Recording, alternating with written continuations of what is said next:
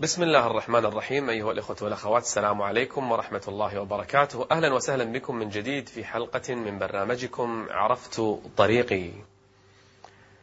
من أعظم آيات الله عز وجل في الكون أن جعل الناس أزواجا فخلق الذكر وخلق الأنثى وحبب هذا إلى تلك وهذه إلى هذا وجعل من زينة هذه الدنيا التي زينت للبشر النساء. ولهذا قال النبي صلى الله عليه وسلم لأصحابه قال يا معشر الشباب من استطاع منكم الباءة فليتزوج. فإنه أغض للبصر وأحصن للفرج. ولما جاءه بعض الصحابة أرادوا الرهبنة وترك الزواج للتفرق, للتفرغ للعبادة نهاهم النبي صلى الله عليه وسلم وقال أما أنا فأقوم وأنام وأصوم وأفطر وأتزوج النساء. فمن رغب عن سنتي فليس مني فليس في ديننا رهبانية. نحن نتزوج النساء كما أمرنا الله عز وجل. بل حتى لما قال النبي صلى الله عليه وسلم عن الزواج أن في أجر قال وفي بضع أحدكم صدقة. تحجب الصحابة. يجامع الواحد زوجته وصدقة؟ قال أرأيتم إن وضعها في حرام أليس عليه وزر؟ قلنا بلى يا رسول الله. قال كذلك إذا وضعها في الحلال فإن له بها أجر. يؤجر الإنسان حتى بمعاشرته لزوجته. أعظم النعم في هذه الدنيا أن يتزوج الإنسان. الرجل يتزوج المرأة والمرأة تقبل بالرجل الذي يتزوجها ويتناسلون. هكذا تبقى البشرية وتبقى الحياة. ومن آياته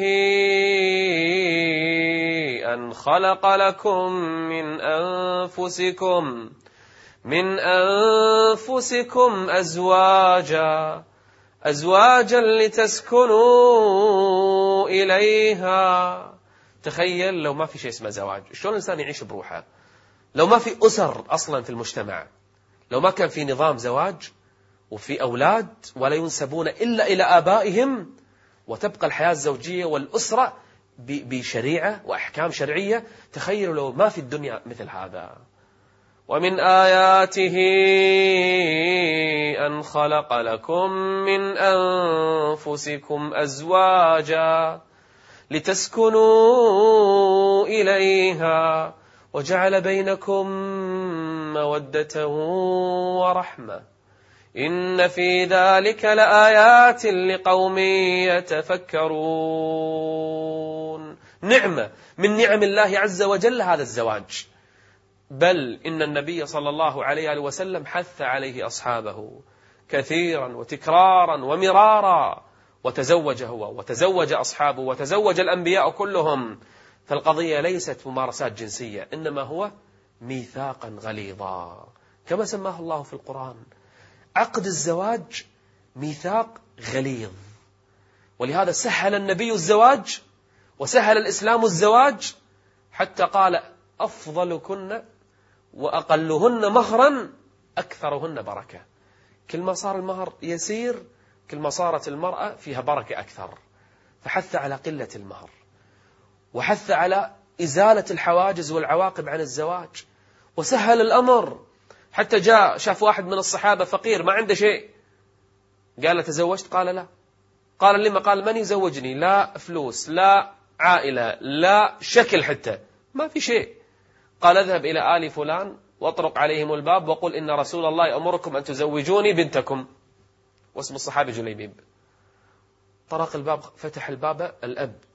قال إن رسول الله يأمركم أن تزوجوني ابنتكم. أنت؟ يعني كأنهم ما وجد الرسول غيرك؟ لا فلوس لا بيت لا عائلة لا شكل حتى ماكو شيء. فلما ذهبوا للبنت تضايق الأب والأم لما ذهبوا للبنت قالت, قالت كيف تردون أمر رسول الله؟ الرسول يأمركم بأمر وتردونه؟ والله لا أرد أمر رسول الله. مع أن الشاب ما في بنت ترضى فيه. لكن لأن الأمر من النبي صلى الله عليه وسلم. وفعلا تزوجته فلما تزوجته دعا النبي لهما بالبركة. دعا لهما بالبركة. فإذا بأموالهما تكثر وإذا الخير يأتي إليهما جليبيب أول معركة دخلها مع النبي صلى الله عليه وسلم الزوج هذا. أول معركة أصيب واستشهد ووضعه النبي على رجله والدم يسيل منه ودمعت عينا رسول الله.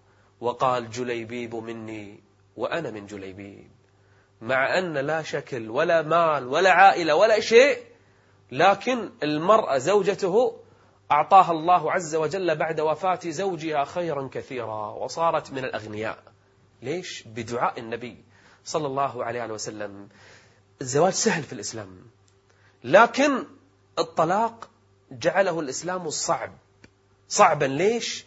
حتى ما يتساهل الناس ويفرقون بين الأزواج. اليوم اقرأوا إحصائيات.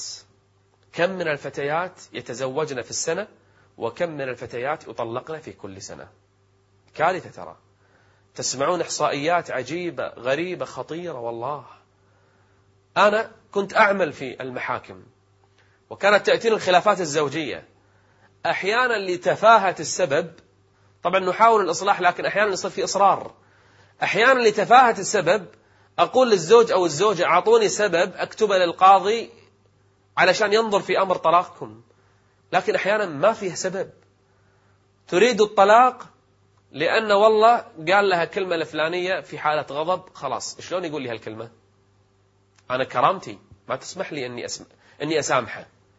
أنا عزة نفسي ما ت... أنا في بيت عمرهم ما رفعوا صوتهم علي. هذا يقول لي هالكلمة والله أخليه يطلقني وأذل ذل. ليش؟ لأن للأسف عندنا اليوم بعض القوانين المساندة تشجع. عندنا محامين أول ما تأتيهم المرأة على طول يضعون الشمس والقمر بيدينها. راح أطلقه وأمسح فيه الأرض وخليه كل شهر يدفع لك المبلغ الفلاني. بس وكليني. بس دفعي هالمبلغ. محامين بعضهم ليس كلهم يشجعون على الطلاق. مجتمع أحيانا يشجع على الطلاق. قوانين أحيانا تشجع على الطلاق. وفوق هذا كله شياطين الجن هي التي تدعو للطلاق. نعم. الشيطان يعلم أن طلاق المرأة من زوجها يفكك الأسرة. معنى هذا كل واحد ينفرد فيه في معصية ويتشردون في الأرض في الذنوب والمعاصي. يعلم أن أساس حماية المسلمين تلك الأسر. فعند أكبر هدف فيتعلمون منهما ما يفرقون. فيتعلمون منهما ما يفرقون به بين المرء وزوجه. بعض الفتيات تقول أبي أتطلق. ليش؟ إن شاء الله. راجع بيت أهلها. والله السنة ما وداني ما سفرني. ما شاء الله خوش سبب. تطلب الطلاق لأن زوجها ما سفرها وما وداها هالسنة سياحة. ما شاء الله. كفو عليك. والمرأة يفترض يفترض كما ذكر النبي في الحديث وأطاعت زوجها. إذا صلت المرأة خمسها وصامت شهرها وحصنت فرجها وأطاعت زوجها قيل لها يوم القيامة ادخلي من أي أبواب الجنة شئت شوفوا الأجر. مع الصلاة طاعة الزوج. أحيانا الزوج عنده مصيبة. عنده ضائقة مالية. وداك السنين اللي طافت. الحمد لله ونست شرالك هذا. كم من الهدايا أعطاك؟ مرة من المرات قصر. قال صلى الله عليه وسلم عن بعض النساء أنهن أهل النار. ليش؟ قال تكثرن اللعن وتكفرن العشير. شنو يعني تكفرن العشير؟ يعني مرات الزوج يحسن لها عشرين سنة. مرة صارت له مشكلة صار إنسان يعني عصبي أحيانا قتر عليها صارت عنده مشكلة. تغير طبيعته. مو هذا الإنسان اللي نعرفه. قال تكفرن العشير. تكفرون سنين طويلة من الإحسان علشان خطأ واحد. تنسون كل النعيم اللي أنعم فيه الزوج عليكم. طبعا مو كل النساء. للأسف في بعض الرجال أسوأ من بعض النساء. بعض الرجال على طول يطلق زوجته على أقل سبب. أنا أذكر أحد الأزواج شفت نافذة الغرفة حاطها حديد مسكرها. طابوق طابوق بعضهم. ما يبيها حتى تطالع الشمس من كثر ما هو يشك فيها. طيب يا أخي الحبيب إذا تشك فيها لهالدرجة إيش حقه معلقها؟ إيش حقه تعذبها؟ إذا ما كان في ثقة متبادلة بين الزوجين شلون يعيشون؟ الغيرة طبيعية. الغيرة جميلة. اللي ما يغار هذا مريض. لكن الغيرة أحيانا توصل إلى حد المرض.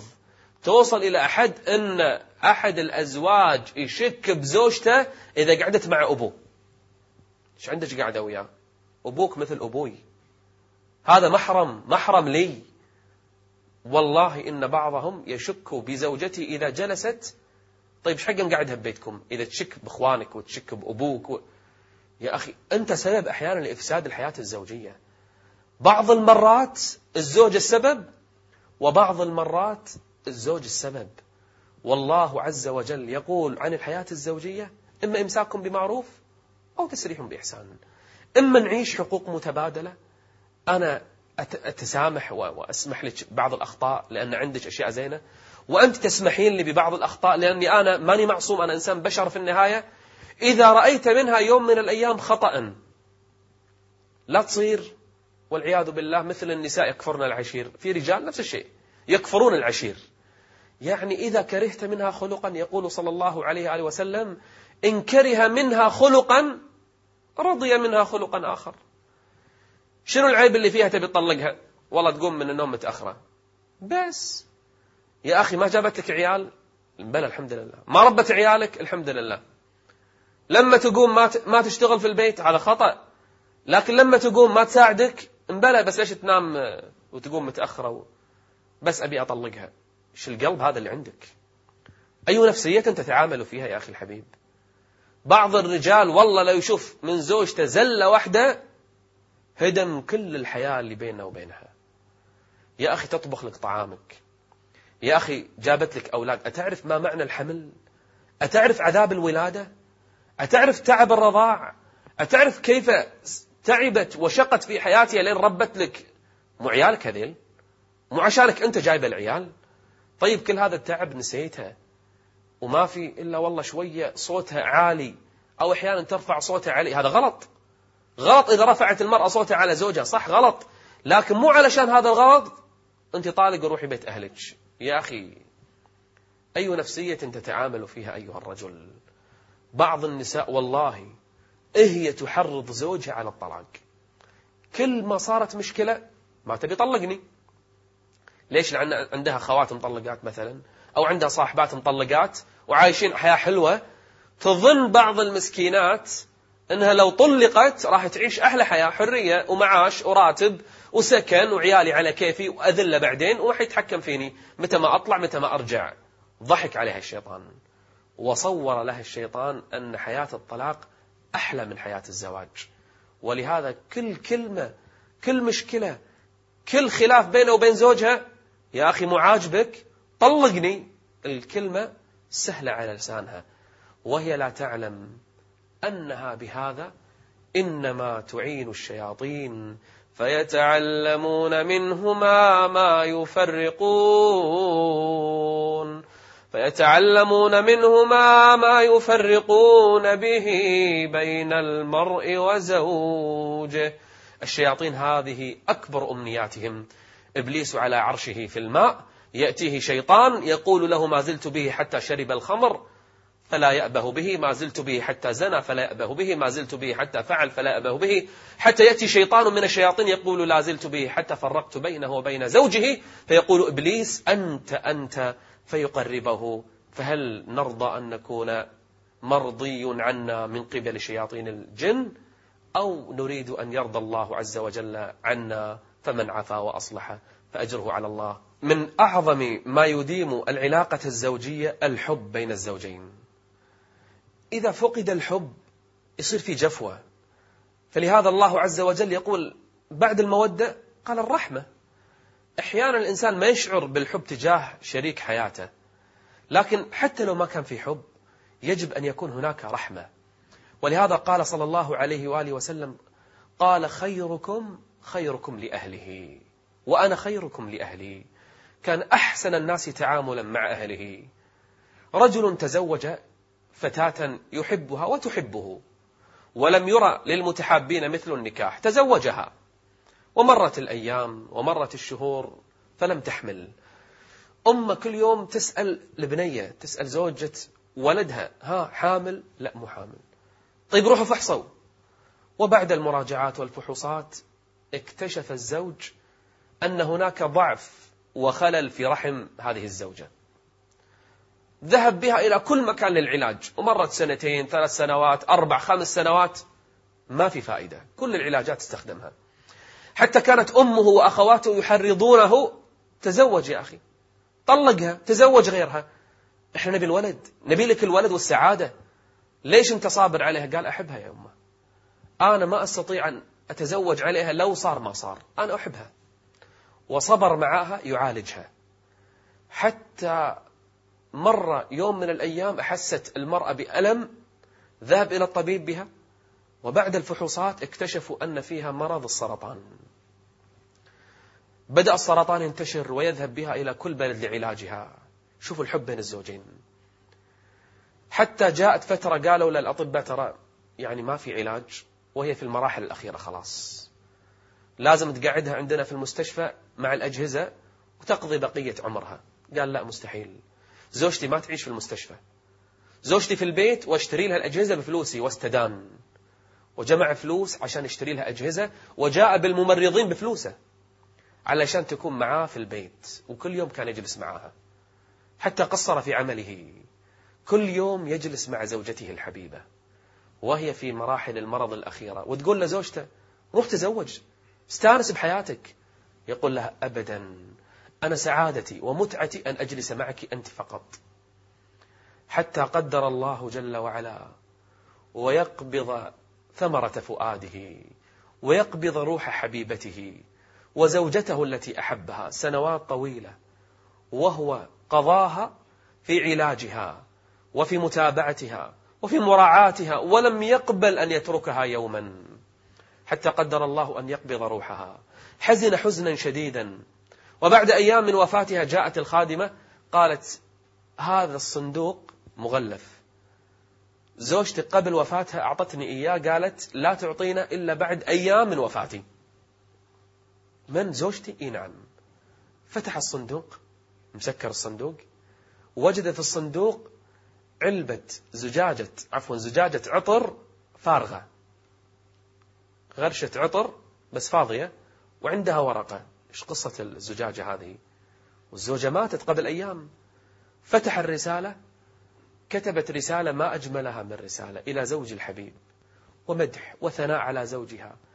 قالت هذه الزجاجة أول هدية أهديتني إياها بعد زواجنا. أول هدية. أول هدية كانت هذه الزجاجة زجاجة العطر الفارغة. يقول وإذا بها تكتب محتفظة بالزجاجة طبعا إلى نهاية الحياة. تكتب تقول له أرجو منك أول ما أموت تتزوج علي مباشرة حتى تنسى الألم الذي أنت فيه. ثم قالت له أطلب منك طلبا. إذا رزقت ببنت أن تسميها باسمي بس ما بغير هذا. أبي بس إذا رزقك الله بنت سمها باسمي. أي وفاء بين زوجين هذا؟ أي حب هذا؟ حب في الحياة وحب بعد الموت. إنه الوفاء. وما أدراك ما الوفاء. اليوم أسرنا صارت هشة إلا ما رحم الله. اليوم بكي للطفل تهاوشوا الأب والأم تطلقوا. اليوم قاعدة من النوم عصب عليها طلقها. اليوم لأن ما شرى لها ساعة طلبت الطلاق وراحت عند المحامي. اليوم أمور غريبة يا أخوان. بعض أحيان الطلاق نعم حل لكن نحن نتكلم عن الأسباب التافهة في الطلاق. من أعظم الصبر أن تصبر الزوجة على زوجها ومن أعظم الصبر أن يصبر الزوج على زوجته. لأجل مو عشان إحنا أحيانا عشان الأولاد والأطفال. الطلاق أحيانا حل ولهذا شرعه الله جل وعلا. وأنزل سورة في القرآن باسم الطلاق. أحيانا الحياة لا تطاق. وأحيانا الزواج ومكث الزوجة مع الزوج. والزوج مع زوجته أحيانا يسبب لهما الفتنة. وأحيانا بل يسبب لها فتنة الشهوات. لأن الزوج لا يعطيها حقها. أو الزوجة لا تعطي الزوجة حقه. ولهذا شرع الله عز وجل الطلاق أحيانا. لكننا نتكلم. نتكلم أيها الإخوة والأخوات. عن أسباب يمكن حلها وعن مشاكل يمكن تداركها. عن قضايا تافهة أحيانا للأسف نتسبب بانفصال في العلاقات الزوجية. ولهذا الله جل وعلا يقول عن الإصلاح والصلح خير. ويقول الله جل وعلا لو النية صادقة من الزوج والنية صادقة من الزوجة يعني أحيانا نجيب الزوج والزوجة نقعد عندهم نحاول نصلح بهذا نصلح مع هذا أبدا هذا مقفل وهذا مقفلة. تدرون ليش؟ الله يقول في القرآن لو كان عنده نية إصلاح وعندها نية إصلاح كان تصالح ولكن للأسف أحيانا النية مو موجودة. يريد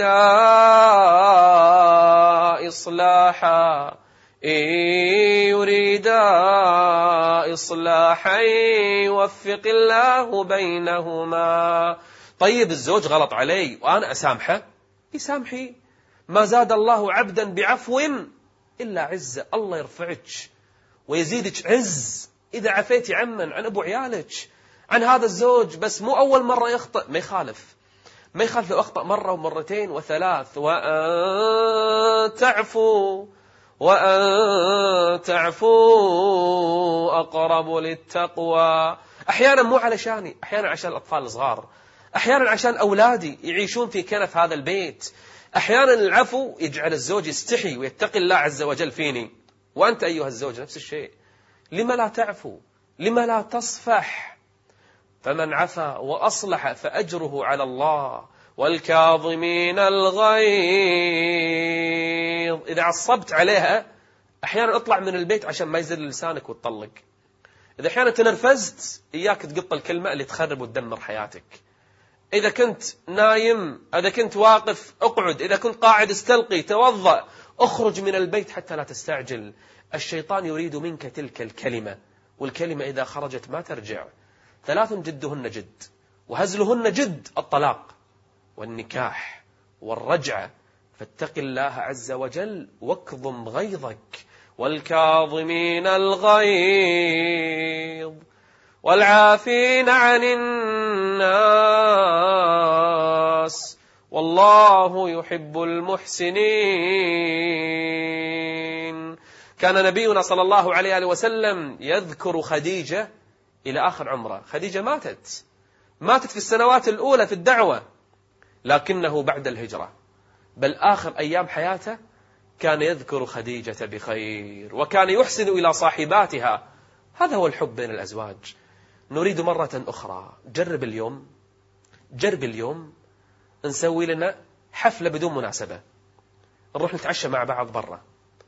أشتري له هدية ولو كانت رخيصة أرجع البيت بيدي وردة. بيدي هدية. شنو هذا؟ هذه هدية لأغلى زوجة في الدنيا. عجيب إيش صاير؟ يمكن تستغرب هذا مو أسلوبك ما يخالف.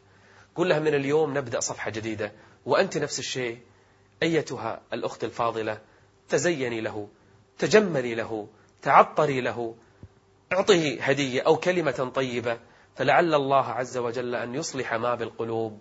ولا تنسوا الفضل بينكم. نبدأ من اليوم حياة زوجية كما أمرنا الله عز وجل بها مودة ورحمة. نلقاكم إن شاء الله. في حلقة من الحلقات المقبلة. أستودعكم الله. والسلام عليكم ورحمة الله وبركاته.